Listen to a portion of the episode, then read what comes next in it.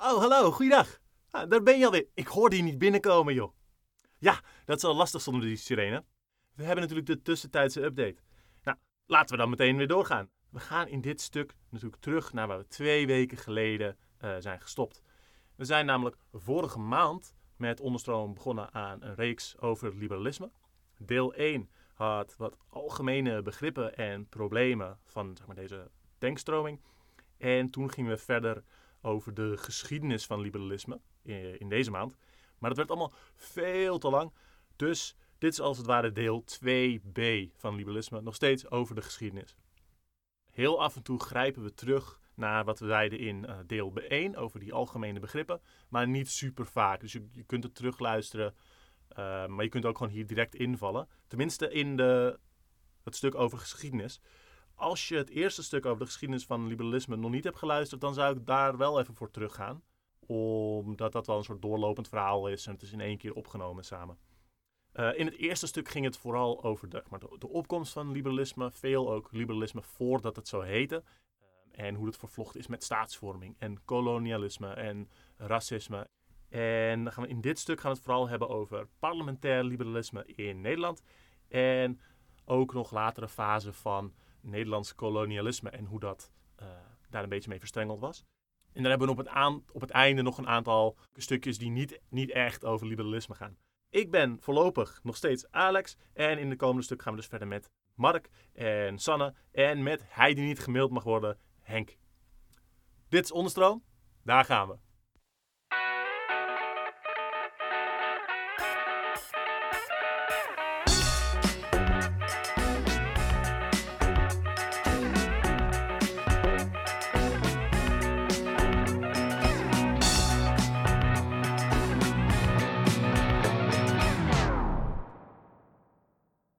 Dan verder nog in Nederland? Ja, ik, ik, het is interessant, want we hebben het nu dan gehad over zeg maar, de, de, de opzet ervan. En hoe dat is gaan rollen is dan misschien eh, leuk om naar te kijken. De grondwet die door Thorbecke en dit hele gedoe neergezet is, had een heel specifiek kiesstelsel met zich mee dat heel erg gericht was niet op partijen, maar op individuen. Een beetje zoals het huidige Engelse kiesstelsel uh, nog een beetje is. Dat je districten hebt en per district wordt één iemand gekozen en die vertegenwoordigt dat district. Dat was zo opgezet door mensen die geloofden dat dat de goede manier van democratie doen was. Maar toevallig ook voor mensen waarvoor, dat heel goed uitkwam. Niet uh, uh, geheel ontoevallig genoeg. En op den duur is dat zich gaan ontwikkelen naar een, een systeem zoals we het vandaag kennen. Uh, met een, dat de districten afgeschaft worden en er echt een soort van centrale verkiezing plaatsvindt. En op dat moment zie je dat de partijen gaan vormen.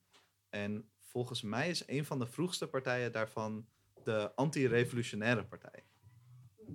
Zeer ironisch. Super ironisch. ja, en het, het is ook, het is natuurlijk een beetje een, eh, een leuk, leuke naam voor ons, maar deze partij heet niet anti-revolutionaire partij omdat het tegen ons soort revolutionaire alleen is, of tegen socialisten of weet ik het wat. Het is een partij die volgens mij in 1879, ergens 1880, is uh, opgericht. De revolutie waar zij tegen waren, was de Franse revolutie van 100 jaar eerder.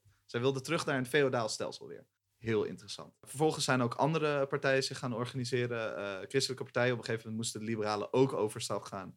En hebben zij ook allemaal uh, partijen gevormd. En, en is dus een, een, het systeem wat wij nu kennen uh, en ons ook ingelepeld wordt op school qua verzuiling een beetje ontstaan. Doordat deze partijen zich heel erg gericht hadden op een bepaalde doelgroep. Tegenwoordig wordt helaas de, de liberale zuil altijd de neutrale zuil genoemd. Uh, in heel veel schoolboeken. Foei, voor wie dat bedacht heeft. Maar die hadden natuurlijk gewoon een eigen hele uh, politieke zuil ook. Die niks met neutraliteit te maken had. Typisch, als je terugkijkt naar de vorige aflevering ook. Typisch dat de liberale zuil dan de neutrale zuil genoemd wordt. En dat ze zich ook zo graag profileerden. Omdat ze zichzelf eigenlijk willen... Uh, dus er zit vaak in, in liberalisme dat ding van uh, je weg proberen te, te cijferen. Want er is, er is helemaal geen idee. Dit is gewoon pragmatisch, gewoon wat het werkt. Uh, dit is eigenlijk het enige. Het, er, er, is niet eens een, er is niet eens een idee goed, eigenlijk. Visie zit je alleen maar in de weg. Snap. dat is, uh, maar dat is een interessant... En daar, daar, komen we ook een beetje aan de kwestie van, van liberalisme natuurlijk aan. Van, zij, zij heten de liberalen. Want je gaat hier natuurlijk, uh, zodra je het over de liberalen hebt, en dat heb je ook een beetje in Amerika, maar zodra je het over de liberalen hebt, dan ga je natuurlijk een heel uh, lastig definitie ding in, waarbij katholieken, eh, zeker katholieken, maar ook veel revolutionairen die vaak, of eh, niet revolutionairen, anti-revolutionairen, eh, vaak conservatiever waren dan liberalen in veel opzichten, maar niet tegen liberalisme als ideologie waren. Het, het was niet zo van, oh we willen eh, het kapitalisme afschaffen. Dat, dat zou je nooit een, eh, een katholiek of een eh, protestants politicus horen zeggen. En zo, eigenlijk een soort van liberalisme met een kleine L. Ze hebben dat gedachtegoed heel erg meegenomen, maar noemen zich niet zo en zijn dan op bepaalde vlakken net conservatiever. Het, het ging eigenlijk veel meer over de, hoe de staat, hè, dus die liberale staat, vervolgens zou worden inge- ingevuld. Is die vrij van religie of is die niet vrij van religie? Bijvoorbeeld de schoolstrijd is daar de bekendste voorbeeld, het bekendste voorbeeld van. Waarbij een strijd was, een soort van ideologische strijd over of basisscholen die geld kregen van de staat, eh, religieus mochten zijn. Dus hè, als je, wat je nog steeds heel veel eh, oude, wat oudere scholen ziet, zie je soms bijzondere eh basisscholen. En dat is dus dat ze religieus waren. Hè, ze stonden buiten de staat. En da- dat soort dingen. Maar kregen wel staatsfinanciering. Ze kregen Daar- wel staat- Daar ging de discussie. Ja, precies. En dat, dat is een. En dat is wel even belangrijk om te benoemen hier als we het hebben over de liberalen in Nederland.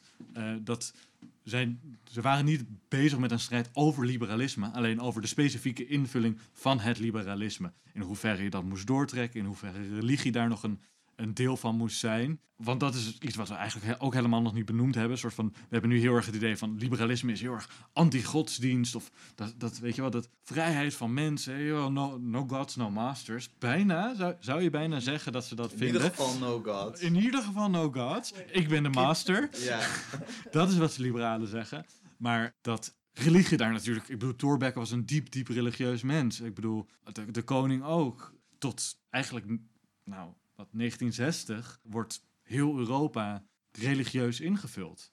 Europa is, is christelijk. Dat is... ook niet te vergeten dat in Nederland tot diep in de 19e eeuw katholicisme echt actief onderdrukt wordt. Ja, Echt zeg maar onmogelijk gemaakt wordt, geen eigen organisaties mag hebben. En het is ook niet gek dat bijvoorbeeld de Rooms-Katholieke Staatspartij, dus de, de partij van de katholieken toen, eh, pas een stuk later is opgericht dan de alle protestants-christelijke partijen. Want die werden echt buiten de boot gehouden. Het is het hele ding van eh, onze lieve Heer op zolder. Dat je eh, schuilkerken had, omdat katholieken niet openlijk een kerk mochten hebben. En dat betekent niet dat het echt geheim was, maar je mocht gewoon niet zo la- laten zien. En er, Precies, ja. En dat, en dat werd ook gewoon door, door liberalen georchestreerd. Want die waren toen eh, voornamelijk aan de macht. En het is eigenlijk pas rond de eeuwwisseling, pas rond 1900 of zo, dat de confessionelen, zoals genoemd worden, de, de christelijke partijen, die, die machtsstrijd beginnen te winnen. en dan hebben we het nog niet eens over Joden gehad. Nee, ik, ik denk dat het, wat je eerder zei eh, over dat liberalisme met een kleine L ook in die eh, christelijke partijen zit. Een van de pijnlijkste voorbeelden daarvan in Nederlandse geschiedenis is, als we weer teruggaan naar die ARP, die anti-revolutionaire partij, die zeer eigenlijk antidemocratische ideeën had, eh, zeer fel tegen liberalisme was, ook zeg maar het woord liberalisme gebruikte als scheldwoord en negatief woord, maar zo infected was door kleine L liberalisme, v- vanwege het hele idee van eh, ook een staatsfilosofie hebben en alles via de staat willen doen. Dat zij eigenlijk best wel bijgedragen hebben bij het ontwikkelen van sommige democratische processen in Nederland. Omdat zij op geen enkele andere manier dat konden voorstellen dan via staatsmacht. En die zat nou eenmaal op een bepaalde manier in elkaar. Dus zij zijn een van de pionierende groepen geweest, gek genoeg, van eh, petities, referenda, crowdfunding dingen. Die dingen bestonden ook in de linkse beweging natuurlijk. Is ook interessant om daar naar te kijken. Misschien iets meer van een andere aflevering. Maar dat zo'n partij als de ARP, die eigenlijk naar een feodaal bestel terug wil gaan, daarmee bezig is, laat zien hoe diep die wortels van eh, onuitgesproken liberalisme in dit soort partijen zitten. En dat, je, dat we het begi- beginnende in deze periode voornamelijk, ik denk dat zeg maar ongeveer bij het begin van de 20e eeuw, steeds meer kunnen hebben over liberalisme met een kleine L. En dat niet alleen de partijen die zich de liberale partij noemen, liberalen zijn, maar dat steeds meer mensen eigenlijk dat aan het internaliseren zijn. Dat dat de, de, de heersende logica begint te worden. En dat is een soort van eh, een, soort creep. Het, het, creept erin en het, het, het groeit eh, zonder dat mensen het doorhebt. Ne- neemt het ze over. Ik denk, ik denk dat het wel belangrijk is om daarbij te benadrukken. eh, tot op zekere hoogte creep dat, zeker in de bovenlagen denk ik. Maar zeker in de, in, de, wat, in de lagere straten, om ze zo maar even te noemen, wordt dat met grof geweld erin gemapt. Daarvoor is de politie. je hebt je aan, aan de nieuwe orde, die vroeger bestond uit herenklassen, nou ja, uit eh, wat meer feodale systemen. Dat gaat nu over in een, in een industriële revolutie naar steeds meer kapitalisten die de macht hebben. En die moeten, die ondermijnen bijvoorbeeld heel erg de eh, zelfvoorzienende functie van boeren. Eh, in Nederland is dat wat minder, maar, eh, want hier is het al heel erg verstedelijkt.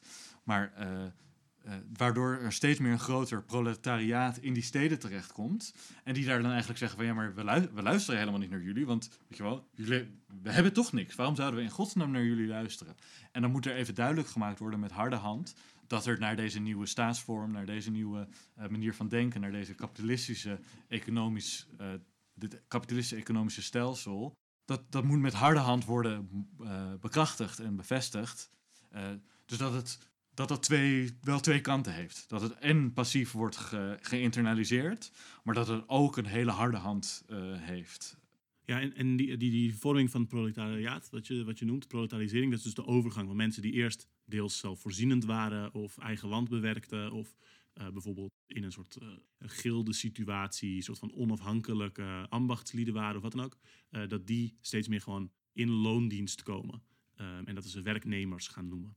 Ja, is dan inderdaad de wisselwerking tussen die twee dingen die je noemt. Ja. Dus je had de ARP, die gewoon waren terug naar een feodaal stelsel en toch het fucking liberalisme erin. Wie had je nog meer? Ja, het eh, liberalisme met een kleine L is overal te vinden in Nederland, vandaag de dag, maar toen ook al. En een, ehm, Voel je gewaarschuwd? eh, ja, het, het, het is pijnlijk hoe liberaal de Nederlandse geschiedenis is. Eh, ja, nee, oef. Eh, maar een, een vroege partij die aan de linkerkant van het spectrum stond en een goed voorbeeld is voor intens geïnfecteerd met dat kleine L-liberalisme al dit soort partijen waren, is de SDAP, de Sociaal-Democratische Arbeiderspartij. Die heeft op zich best wel een interessante geschiedenis in Nederland. Ik ga ooit graag nog heel uitgebreid in op de eh, oude linkse geschiedenis van Nederland. Maar daar zijn we helaas vandaag niet eh, voor aan tafel. Uh, maar heel kort door de bocht is wat daar vrij uniek aan is, is dat in de meeste landen had je een organisatie die iets met mm, sociaaldemocraten of sociaaldemocratie heette. En er zaten radicale en gematigde lui door elkaar in. En op den duur zijn de meer radicale elementen daaruit gezuiverd en weggegooid. En die zijn zich op een gegeven moment dan anarchisten of socialisten of communisten of, of communisten of wat dan ook allemaal gaan, gaan noemen. En die zijn gestopt met het gebruiken van de term uh, sociaaldemocraten. Terwijl dat eerst ook door uh, veel radicalere lui werd gebruikt. Uh, en in Nederland, grappig genoeg, is dat precies andersom gebeurd. Je had een sociaal-democratische bond. Die dus die term gebruikte. Maar dat bestond eigenlijk voornamelijk uit hele radicale lui en heel veel anarchisten. Ook Ferdinand Dobelen Nieuwenhuis is een van de grote leiders daarvan. Een van de grondleggers van anarchisme in Nederland. Daar was een kleine factie aan in, ontstaan, later pas nadat het uh, gevormd was, van gematigden. En die, uh, die kwamen eigenlijk niet aan de bak daar. En die, uh, ze mochten ook niet meedoen aan verkiezingen, want dat hadden ze één keer geprobeerd en dat was een absoluut fiasco. Want schijnbaar luisteren parlementariërs en liberalen en, en christenen niet naar anticapitalistische argumenten. Heel gek. Ook iets van alle tijd. En uh, toen zijn de gematigden zelf afgesplitst. En die hebben, ze, hebben zich toen de, de SDAP genoemd. En dat is, het, is ook altijd een partij geweest. En al, de partij die daar later uitgekomen is, de PvdA. Is altijd enorm liberaal geweest. En helemaal niet zo links als andere sociaal-democratische of zelfs socialistische partijen. die een soortgelijke geschiedenis hebben. En dat komt dus deels daardoor dat de, het echt opgezet is door een gematigde split in plaats van samen met radicalen iets opzetten en dan later de, het radicale stukje bij beetje eruit zuiveren. En dat zie je tot op de dag van vandaag zie je dat terug. Uh, ook op de manier hoe bijvoorbeeld de PvdA gevormd is.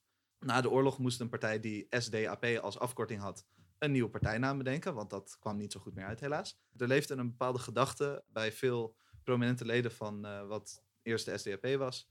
Die wilden namelijk, dat, wordt de doorbraakgedachte uh, genoemd. Dus je had dus die verzuiling? Ja, dat heeft overigens niet zoveel te maken met een uh, hele coole organisatie nu die Doorbraak heet. Doorbraak.eu, check ze. Check het sowieso. Uh, maar wat zij wilden doen, ze wilden de, de verzuiling door, doorbreken, als het ware, door een soort alliantie te, te maken van alle uh, progressieve politieke lui uit de partijen.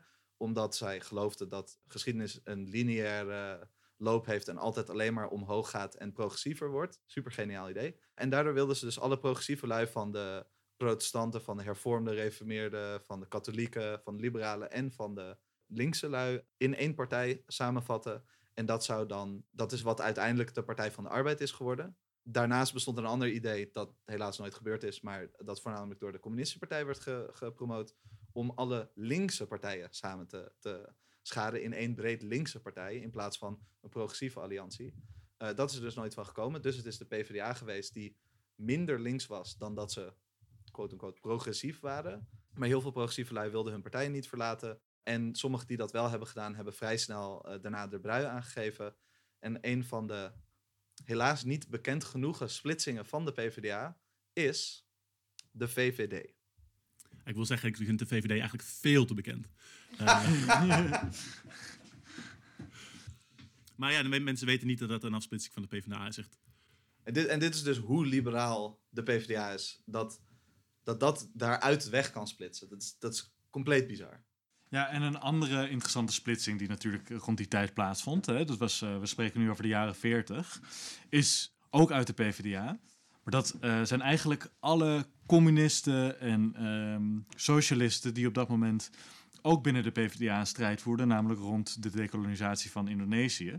Ja, die ook best wel controversieel was in, aan, linker, aan de linkerhoek. Ik bedoel, soort van, je hebt het wel, zeker als je het over partijen hebt, natuurlijk echt wel aan de meest linkerkant dat, er, dat mensen tegen eh, herkolonisatie zijn. En Nederland was helemaal uit Indonesië gevaagd door de Japanners. Op dat moment wordt Indonesië soort van, daar is geen Nederland meer aanwezig. Zij zeggen van, nou, we zijn bevrijd door de Japanners. Dat viel een beetje tegen. Maar ja, we gaan nu niet meer de, de Nederlanders terugkrijgen. En dan zeggen de Nederlanders, zeggen, nou ja, wij gaan gewoon wel terug. En we zetten vlak nadat we zelf bezet zijn, een nieuwe bezettingsmacht eh, op de been. Eigenlijk is er maar een hele kleine groep mensen die daartegen is. En eh, een deel daarvan zit in de PvdA. En die PvdA die wordt dus nog liberaler, omdat eh, uiteindelijk eh, in 1946 op het eerste partijcongres of het tweede partijcongres wordt besloten: nee, we gaan ons toch achter de herkolonisatie van Indonesië scharen. En bijvoorbeeld Wiardi Beckman, die de eh, wetenschappelijke instituut van de PvdA heeft opgericht, ehm, die splitst daar dan ook meteen van af. En het wetenschappelijke instituut heeft nog steeds de W.R.D. Beckman Stichting. Maar die man die heeft, nou ja, amper een jaar in de PvdA gezeten, omdat hij er zo goed als meteen uit eh, is gestapt. Vanwege eh, het idee dat ja, de PvdA toch achter die herkolonisatie stond. En die herkolonisatie die is ook enorm ingegeven geweest door economische belangen natuurlijk. En enorm eh, met het idee dat Indonesië een soort eigendom was hè, van, de, van, de, van de Nederlander. Van de, wij mochten beslissen wat, wat er daar ging gebeuren. En er waren natuurlijk enorme economische belangen. We hebben het al even over Shell gehad. Er waren enorme economische belangen. Vooral bepaalde gebieden die heel rijk waren, waar we heel veel geld verdienden. En niet, niet totaal verrassend waren dat ook de gebieden die door de zogeheten eh, de eufemistisch politionele acties, hè, dat, ik bedoel, dat zijn gewoon oorlogen waarbij waarschijnlijk rond de 300.000 Indonesiërs zijn omgekomen. Eh, en waarschijnlijk misschien nog wel veel meer, we weten het niet precies. Want hè, de, de, li- 300.000. ja, de, de lijken van niet-blanke mensen worden nooit geteld. Dus we weten niet hoeveel, hoeveel mensen er precies zijn omgekomen daarbij.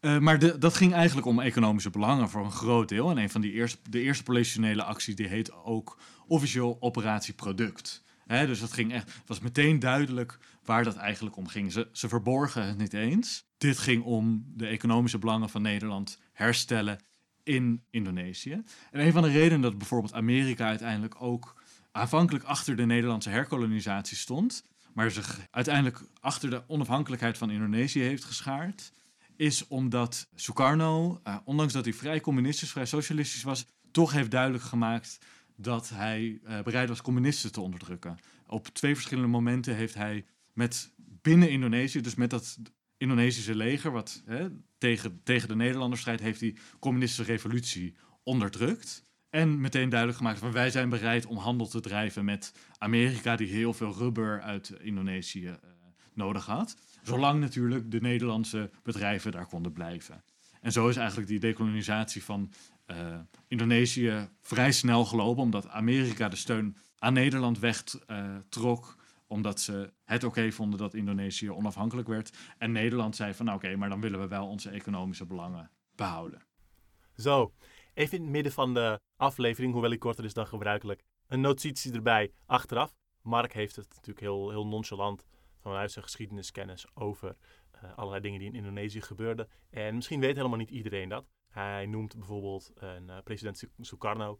Eh, Sukarno was een leider van de Indonesische Nationalistische Partij. En dat was een, een organisatie eh, die naast een andere, aantal andere organisaties werkte aan de onafhankelijkheid van, eh, van Indonesië. En hij werd toen de voornaamste leider van eh, die onafhankelijkheidsbeweging. Vocht ook tegen de, de Nederlandse legers in, in Indonesië.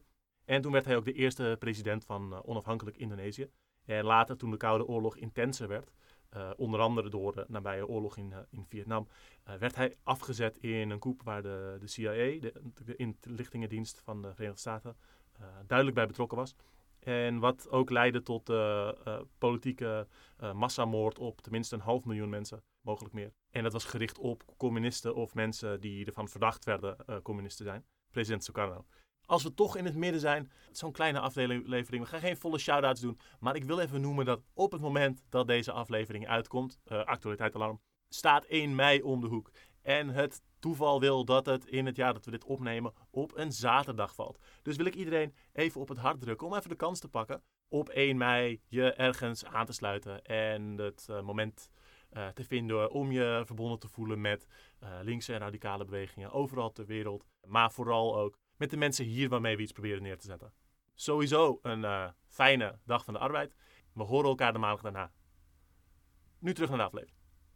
Dus dan, eh, dan heb je de Tweede Wereldoorlog gehad ook. Er gebeurden ook een paar dingen. En, maar daarna is eigenlijk de, de, de grote, grote overwinningen van, van liberalisme. En ook met de liberalisme met de grote L zelfs. Ja, want da- dat is natuurlijk waarom Amerika uiteindelijk bereid is om die, die overstag te gaan. Is omdat ze, dat heet dan nog niet zo, maar die domino-theorie van oké, eh, de twee grote machthebbers op dat moment gaan worden het communisme en het kapitalisme. Amerika ver- versus Rusland. En zolang Indonesië maar niet in de handen van de communisten komt, vindt Amerika het wel best. Eh, en dat is eigenlijk de overwinning die het kapitalisme op dat moment maakt. En het liberalisme met, met alle massamoord, genocide eh, in Afrika, Indonesië, Azië, Amerika, Zuid-Amerika. Ondanks dat liberalisme en kapitalisme veel meer levens op hun, op hun naam hebben staan, heeft dat het weten te overleven tegenover het fascisme, dat eigenlijk vrij weinig invloed heeft gehad natuurlijk. Ja, het was in Europa dat fascisme eh, massamoord eh aanrichtte, maar Ja, en ik, ik denk dat het ook belangrijk is om zeg maar, in die machtsstrijd tussen die twee nieuwe blokken van zeg maar, het, eh, het kapitalisme en het communisme, om daarin te zien dat alles wat zich achter het kapitalisme schaart tegenover het communisme, ook nog een soort van tweede hardere slag krijgt van liberale idealen en, en internalisering van dat liberalisme met een kleine L. Dat, dat zie je bij allerlei socialistische partijen, sociaal-democratische partijen, die zich actief willen distancieren vanaf de Sovjet-Unie en het communisme eh, en eh, wat daar gebeurt. Maar zich daardoor eh, gewoon trouwen aan het kapitalisme en aan de liberale orde die daar gecreëerd wordt. En steeds meer oude principes laten varen, laten vallen. Eh, om binnen het huidige bestel dat er is, eh, een deel van hun principes daarin kwijt te, raken. Eh, dan, dan krijg je natuurlijk de opbouw van de verzorgingsstaat. In Nederland heb je dat, maar dat heb je in de, eigenlijk de hele westerse wereld. Wordt dit, wordt dit een ding? Ook deels als soort van zoethoudertje naar de arbeidersklasse. Om niet dat soort gekke ideeën te gaan doen zoals eh, in de Sovjet-Unie deden. Als zeg maar, een opstand komen en dingen voor jezelf te gaan proberen te, eh, op te bouwen. Dat is, dat is allemaal heel eng en dat willen we hier niet hebben. Dus dan geven jullie een verwaterde, minder nice versie van een verzorgingsstaat. Ja, als, als zoethoudertje en, en eh af kunnen. Maar, maar ook als wel als een, een soort toezegging. Het is wel op basis van strijd. Het is niet zomaar van, oh, we hebben over ons hart gestreken, nu mogen jullie het hebben of zo. Nee, nee, zeker. Nee, dit, was, dit, dit, dit, dit zijn eh, hardgewonnen concessies. eh, maar die ook deels gedaan zijn. Bijvoorbeeld om te laten zien dat eh, het liberalisme en het kapitalisme ook soort van onmensen geeft. En, en wel goed is, et cetera, bla bla. Zo wordt het geframed. Ja, ja. Maar het is gewonnen door alles is altijd gewonnen door strijd. Er wordt, nooit, er wordt ons nooit iets gegeven. En dan zie je ook hoe het soort van hoe, hè, hoe die ehm, hoe de, er ook vervolgens een cooptatie plaatsvindt. Want nu is de verzorging in handen van de staat. De staat heeft eigenlijk zijn macht uitgebreid, juist door door een verzorgingsstaat te creëren. Mensen mogen dat niet meer zelf organiseren. Dat gaat nu voortaan uh, vanuit de staat. Hetzelfde gebeurt natuurlijk met vakbonden. Dat waren oorspronkelijk gewoon arbeiders die zeiden van... als we in staking gaan, zullen we dan een stakingskas maken... zodat we hè, ook nog kunnen leven. Nou, dat is hoe vakbonden, hoe vakbonden... dat waren vaak communisten die zo begonnen zijn. Maar nee, dat, komt, uh, dat wordt gecoopteerd door de machthebbers. Die dingen worden vastgelegd, die worden uh, in de staat geïntegreerd. En zo vervolgens uh, deel van het bestel in plaats van tegen het bestel. en zo wordt uh, uiteindelijk een, een sociale strijd, een socialistische strijd vaak, vaak anarchistische strijd, communistische strijd, wordt deel, tot deel van het liberalisme gemaakt. Alsof de verzorgingsstaat altijd er al deel van was geweest. Dat was altijd al het doel. Zo wordt het gepresenteerd in ieder geval. Terwijl dat natuurlijk helemaal niet zo is. Liberalisme gaat niet over een verzorgingsstaat. Liberalisme gaat over een staat die bezit beschermt. Uh, over vrijheden voor een bepaalde klasse. Niet over ervoor zorgen dat jij niet doodgaat op het moment dat je, of failliet raakt, op het moment dat je uh, wordt aangereden. Daar, daar gaat liberalisme helemaal niet over. Dat is iets van socialisme en communisme. Maar er zijn wel bijvoorbeeld progressieve liberalen die dit uh, wel meer in, in sommige ideeën hebben. Bijvoorbeeld het, het idee van een soort bestuurlijk publieke sector die apart is van de vrije markt en die ook een, een, eigen logica mag hebben. Um, en dan, dan wordt zeg maar in liberalisme dus bepaalde stukken van uh, publieke steun worden daar dan in meegenomen in een soort uh, progressieve reform die dan ook later veel meer werd losgelaten, bijvoorbeeld met neoliberalisme in de jaren zeventig en zo. Maar het is wel belangrijk om te benadrukken dat dat telkens gecoopteerde projecten waren die steeds meer geïnstitutionaliseerd zijn en door de staat zijn overgenomen. Alle pensioensystemen, verzekeringssystemen, heel veel woningbouwcorporaties zijn allemaal opgericht door uh, mensen zelf, arbeiders of uh, in sommige gevallen ook middenstanders, die dingen voor hunzelf moesten gaan, uh, gaan maken. He heel veel vanuit de, de christelijke hoek, waar zeg maar verzorgingsstaat elementen werden door kerken en zo geregeld. Maar het feit dat het niet onder de staat viel en wel succesvol was in wat het deed, ondermijnt zeg maar de autoriteit en de allesoverheersendheid van de staat. Het moet een universeel heersend principe zijn. Dus dat kan niet. Dus het wordt stukje bij beetje wordt dat in de staat opgenomen. En daardoor ook uh, on, worden mensen ontdaan van hun invloed daarop. Zeg maar. de, ja. de mensen maken, zetten het zelf op, uh, stoppen daar dingen in. En over tijd wordt dat uit handen uh, genomen en, en in handen van de staat gezet. En dan, ja, dan, dan kunnen die mensen zelf daar niks meer over, over te zeggen hebben. Zoals we in de aflevering over cooptatie ook zeiden over die woningbouwvereniging inderdaad. Ja, en, en het wordt met een heel sluwe redenatie wordt dat altijd gedaan. En ik denk dat het ook leuk is om dit een beetje als, misschien als brugje bij om te kijken naar een soort van de propagandaoorlog van het liberalisme en hoe, hoe de geschiedenis zeg maar ge, gelipwashed is, hoe wij helemaal zijn gaan denken dat het kapitalisme en het liberalisme ons vrijheid biedt en ons allemaal dingen gegeven heeft. Uh, maar dat, dat is met de, onder andere deze dingen al begonnen. Dat zodra mensen dingen gingen doen om andere mensen te helpen, werd ervan gezegd dat dan is het dus een publiek goed. Je wil andere mensen helpen, dan moet je dus iedereen willen helpen. Anders is het niet goed. En dat zal toen niet met deze woorden gebruikt zijn, maar tegenwoordig wordt, dan, wordt daar dan af en toe zelfs woorden als discriminatie voor gebruikt. Alsof de staat het iets kan schelen als mensen gediscrimineerd worden. Behalve misschien tegen rijke witte mannen. Maar, en, dat, en dan wordt, wordt zeg maar die, die universele logica gebruikt om uh, deze projecten te delegitimeren. Op de manier hoe ze gerund worden in, door zelforganisatie en uh, autonoom beheer van mensen zelf. Wordt het uit hun handen genomen, in de handen van de staat geplaatst, waar het zogenaamd voor iedereen ingezet kan worden en universeel kan zijn. En dan wordt het uitgehold en extreem moeilijk uh, bruikbaar gemaakt met allemaal gatekeep systemen waar je aan dingen moet voldoen. En... Ja, ja.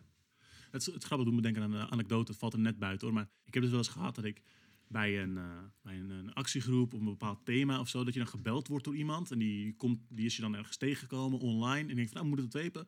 Ik heb iets dat volgens mij raakt aan het thema waarbij jullie bezig zijn. Oh, oké, interessant, interessant.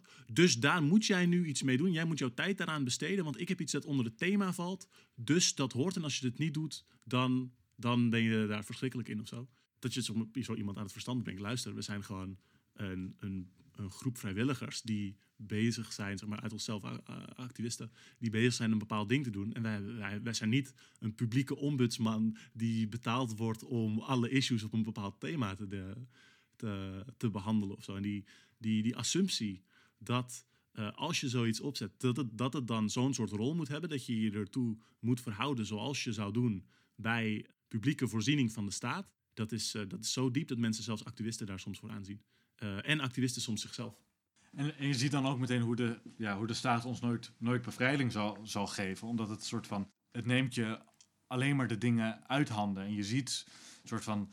Eh, hoe die dingen dan worden uitgehold en eh, de betekenis ervan, de, oorspronkelijke betekenis ervan wordt weggenomen en in handen wordt geplaatst van mensen die de, die de baas worden. Het gaat meteen over iemand regeert vanuit de staat, de verzorgingsstaat. Je ziet hoe die wordt uitgehold en wordt, vervolgens wordt ingezet om de belangen van grote bedrijven te dienen, van verzekeringsmaatschappijen, van grote zorginstellingen, eh, soms van aandeelhouders van ziekenhuizen die dan bijvoorbeeld failliet gaan. Dat is toch van de gekke om te bedenken dat een ziekenhuis failliet zou gaan, want er zijn niet genoeg zieke mensen in deze maatschappij waarin soort van iedereen soort van de hele tijd dingen inademt waar je niet van moet inademen omdat er weer een auto eh, langs rijdt of mensen totaal gek worden van, van het kapitalistische systeem waar ze zich niet eh, in thuis kunnen voelen, totaal vervreemd van, van hun eigen werkelijkheid. Een soort van, hoe kan je daarin failliet gaan als ziekenhuis? Nee, dat is gewoon omdat dat niet meer het doel dient wat het oorspronkelijk diende.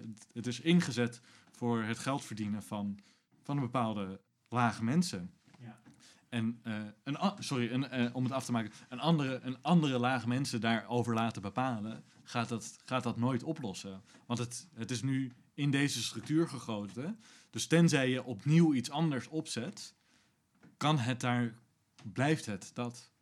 Eh, Het blijft deel van een staat. En als de enige manier om daarvan af te komen is door iets nieuws op te zetten. Dat, het wordt ook dat wordt je uit handen genomen, maar daardoor heb je ook zelf niet meer de vaardigheden. Dus je kan het, zelf organiseren is dan ook zo afgekapt op een bepaalde manier. Ja. Dus het is dubbel. Het is niet alleen dat je het naar de staat toe gaat, je weet het ook zelf niet meer. Wanneer we het hebben over eh, organiseren, en dat gaan we in andere afleveringen zeker weer doen, dan merk je heel erg dat het, het afsplitsen van overzichts- en planmatige taken naar een, een groep managers die daar specifiek voor worden eh, weggezet en die al die taken eh, op zich nemen. Het is, het is een soort, eh, soort brain drain van, van werkers die, die echt je, je capaciteit om zelf dingen op te zetten eh, ondermijnt. Terwijl je dat vroeger of in een andere context dat veel meer zou hebben, dat veel gebruikelijker zou zijn. En mensen dus ook eh, historisch gewoon allerlei vette structuren hebben opgezet die ze, die ze kunnen helpen. Koude oorlog, na een tijdje valt de muur. Er is geen alternatief meer, zegt, eh, zegt mevrouw, mevrouw Thatcher. En meneer Fukuyama die zegt, ah, de geschiedenis is gewoon voorbij. Er is nog wel een saillant detail aan het ding van Fukuyama. Is dat die, eh, eh, dat vind ik altijd, altijd eh, leuk om op te merken, is dat als benoemd wordt dat de geschiedenis ten einde komt, het toevallig ook het moment is dat de, de, de Duitse eenwording eh, plaatsvindt. En eh Hegel het altijd al ha- had over de einde van de geschiedenis, als eh, de Duitse eenwording wordt bereikt. Dus het is wel, eh, het is wel een mooie eh, samenkomst. Wil je zeggen dat Hegel altijd al gelijk had? Nee, het is gewoon een leuke verwijzing. Wat, wat, wat anders kan ik ermee bedoelen dan dat Hegel altijd al gelijk had? Ik wil hier graag iets dieper zetten. Chill. Zo. Zo zijn we voorbij de Tweede Wereldoorlog geraakt in de tijdlijn. Ehm, en daarmee komen we terecht in een tijd die we toch echt niet zomaar geschiedenis durven te noemen. Omdat we ons dan te oud gaan voelen. Ehm, dus daar laten we het bij. We gaan deze reeks nog voortzetten met een stuk over liberalisme eh, anno nu, soort van. En de vele koppen die het beestje nu rijk is. Ehm, en dan komt er nog een volgende aflevering in de reeks over liberalisme eh, binnen onze bewegingen. Ehm, en dus allemaal soorten neigingen en impliciete overtuigingen die we zelf meenemen. Ehm, maar ik maak wegens tijdnood nu even niet de belofte dat eh, dat direct de aansluitende aflevering worden. Eh, misschien dat ik er een solo aflevering tussendoor gooi. Ehm, dat blijft een, eh, een verrassing. Zoals altijd, like, comment, subscribe of bedenk een waanzinnig bloederig ritueel waarmee je een zak chips offert of opoffert aan het Google-algoritme. En vertel alsjeblieft, alsjeblieft je vrienden over ons. Ehm, hier volgen nog een paar leuke stukjes die niet echt over liberalisme gaan, dus er een beetje uitzitten. Ehm, veel plezier en tot over twee weken.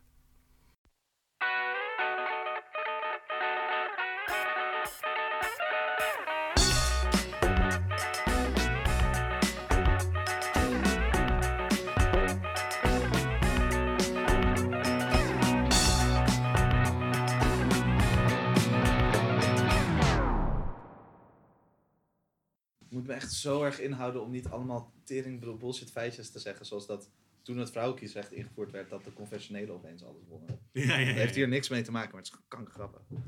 Maar dat is toch ook een hele ruim over bijzonder onderwijs geweest. Van, we doen, jullie mogen bijzonder onderwijs en dan krijg je van algemeen kiesrecht. Nee, nee, nee, nee. Algemeen kiesrecht is gewonnen door linkse beweging. Nee, maar ik bedoel, in de, par- hoe dat parlementair gegaan is, dat dat toen gezegd is. Bijz- bijzonder onderwijs is echt al in de 19e eeuw eh, afgesloten. Er, er, er, zijn, er zijn wel gekke deals met eh, algemeen kiesrecht. Ehm, maar de conventionele partijen waren vet anti-vrouwenkiesrecht. en toen werd het ingevoerd. En toen, omdat de linkse beweging zo fucking kut seksistisch was... en nooit hun vrouwen meenam naar eh, politieke dingen... waren die vrouwen dus allemaal helemaal niet links. Ja, precies. Dus- die gewoon volgens hun religieuze lijnen Ja, precies. Dus je had zeg maar allemaal super communisten en sociaaldemocraten. En gewoon al hun vrouwen stemden gewoon katholiek of protestant. Ja. Want ze hadden gewoon, want ze werden ook nooit uitgenodigd. Dus fuck al die mensen. Wat heb ik daarmee? Zo, zo dom. Echt holy shit. Dus gewoon een van de allergrootste overwinningen van de katholieke eh, volkspartij eh, ooit. Het werd toen opeens de grootste. Ja? Ja, by far. Gewoon uit het niets. Ze hebben gewoon zeg maar, hun, hun stemmen zeg maar, meer dan verdubbeld of zo. Ja, ja. Dat is echt crazy was het gewoon. Maar dit wordt ook heel vaak gewoon geframed als dat vrouwen dan hun eigen belang niet begrijpen of zo. Weet je wel? Dat zit Ja, ja, ja, ja, klopt. Ja, ja, dat is heel vet. Heel. Het is nog steeds hun schuld dat ze het Ja, ja, ja. opfokken. Damn it, women. Maar je jullie wel ook een deze beweging. Ja, dat is echt je eigen belang. Dat je. Ja. Wij zijn de enigen die voor jou op kunnen komen. Ja, Ja, snap dat dan. Jezus Christus. De ARP is echt de eerste. ja, ja ARP is duidelijk is echt de, is gewoon de Zo eerste partij. fucking weird, jongen. Ja, maar dit ko- komt volgens mij omdat het werd gewoon... ARP was gewoon, zeg maar, de protestantse beweging was gewoon het grootste. En daarvoor was het gewoon de liberalen. Een soort van, de de- mensen die, die zo rijk waren dat ze mochten stemmen, die waren liberaal in Nederland. Nee, maar het, het, die liberalen daarvoor werkten gewoon niet met partijsystemen. Maar op individuele titels. Ja, ja, maar de enige- individuen. Ja, maar de enige manier waarop zij er tegen, tegen in konden gaan, De zeg maar. Ja, Ja, klopt. Was door een Un- United Front ding te doen. Maar zij waren helemaal niet groot, want direct daarna is de Christelijke Historische Unie ge- gemaakt voor de, ge- voor de hervormd eh protestantse mensen. Die was gewoon instantly groter dan de ARP. Ah, Want de ARP's zijn alleen de refo's. ja, ja. Dat, die zijn, zijn veel minder mensen dan eh, hervormd. Eh, en de katholieken zijn altijd met meer geweest dan protestanten. Ja, maar dat is. Nee. Somehow, echt. Maar dat is gewoon omdat er één katholieke partij is en vier protestantse Nee, partijen. nee, een absoluut aantal. Van mensen gewoon in Nederland. Ja? Dus er zijn misschien Want- heel even dat het, dat het, dat Steden, waren, de maar- steden in het noorden zijn niet protestants. De steden in het zuiden zijn wel katholiek. Ah. En de katholieken waren ook links. Er was best wel, je had een katholieke vakbond, echt een strijdbare vakbond eh, was. Hm. En eh, in het noorden was iedereen protestants, maar in de grote steden had je liberalen en sociaaldemocraten. En dat ging allemaal af van de protestantse Ja. stemmen. Maar in het zuiden gingen heel veel linkse stemmers niet weg bij de katholieke partij. Hm. Dat is echt een soort van zuidelijk blok van bam, alles Ah, is ja. gewoon katholiek. Eh,